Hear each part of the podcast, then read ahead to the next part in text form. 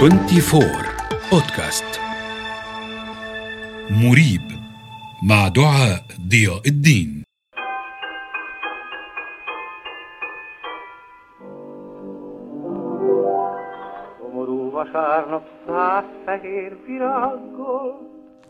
انتبه هذه الأغنية التي تبدو رومانسية دفعت الكثيرين للانتحار.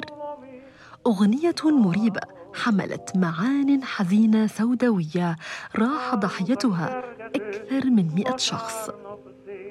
أهلا بك في الحلقة التاسعة من بودكاست مريب. أنا دعاء ضياء الدين وسأروي لك الحكاية من البداية. في عام 1932 قام الشاعر المجري لازلو يافور بكتابة أغنية حزينة. يطلب فيها من حبيبته المتوفاة الانضمام إليه في جنازته المخطط لها. ويتمنى أن يكون معها في العالم الآخر وسيسعى لذلك بأسرع وقت ممكن.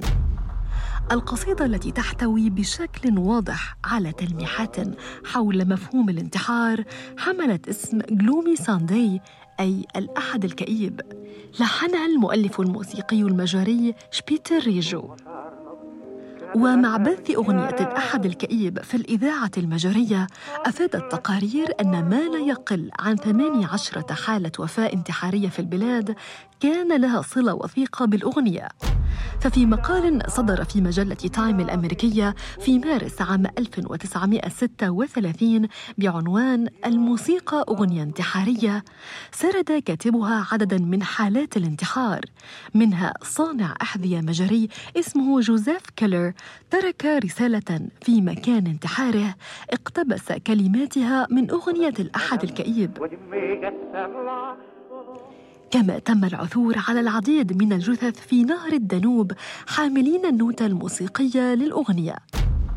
وأطلق شخصان آخران النار على نفسهما أثناء سماع فرقة تعزفها. إضافة إلى حالات أخرى.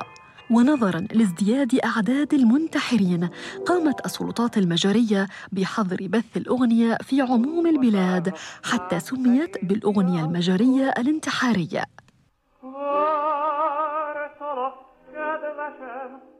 ولكن يا أصدقائي لم تقتصر حالة الانتحار المرتبطة بالأغنية داخل المجر فقط. إذ أفادت تقارير أخرى بأنه تم إبلاغ جريدة نيويورك تايمز عن حالات انتحار ارتبطت بالأغنية بعد إصدار نسخة منها باللغة الإنجليزية. فبدأت بعض الإذاعات في حظرها مثل بي بي سي واستمر حظرها حتى عام 2002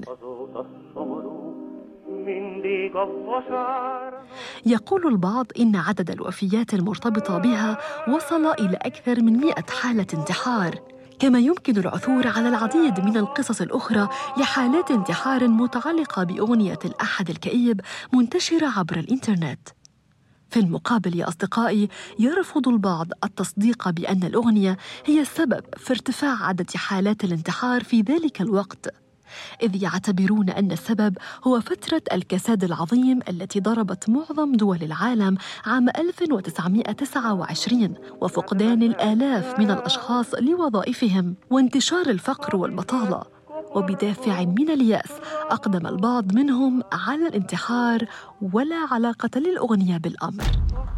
بينما يصر آخرون على أن أغنية الأحد الكئيب هي السبب ويبررون ذلك بأن ملحنها مر بأزمات كبيرة خلال حياته.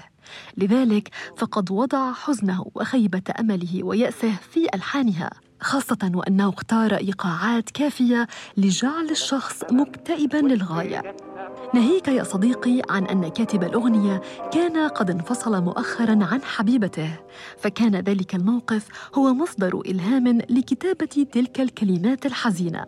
فعندما اجتمعت الكلمات مع الألحان كانت سببا كافيا لإقدام الكثيرين على الانتحار.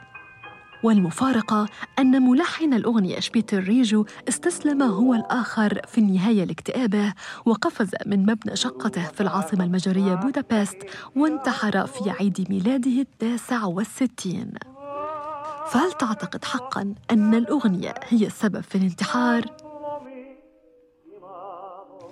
وحتى اليوم لا يوجد دليل قاطع يؤكد أو ينفي التهمة عن الأغنية المريبة ولا يزال العالم أصدقائي مليئا بالأشياء الغامضة لقاؤنا الأسبوع المقبل إلى اللقاء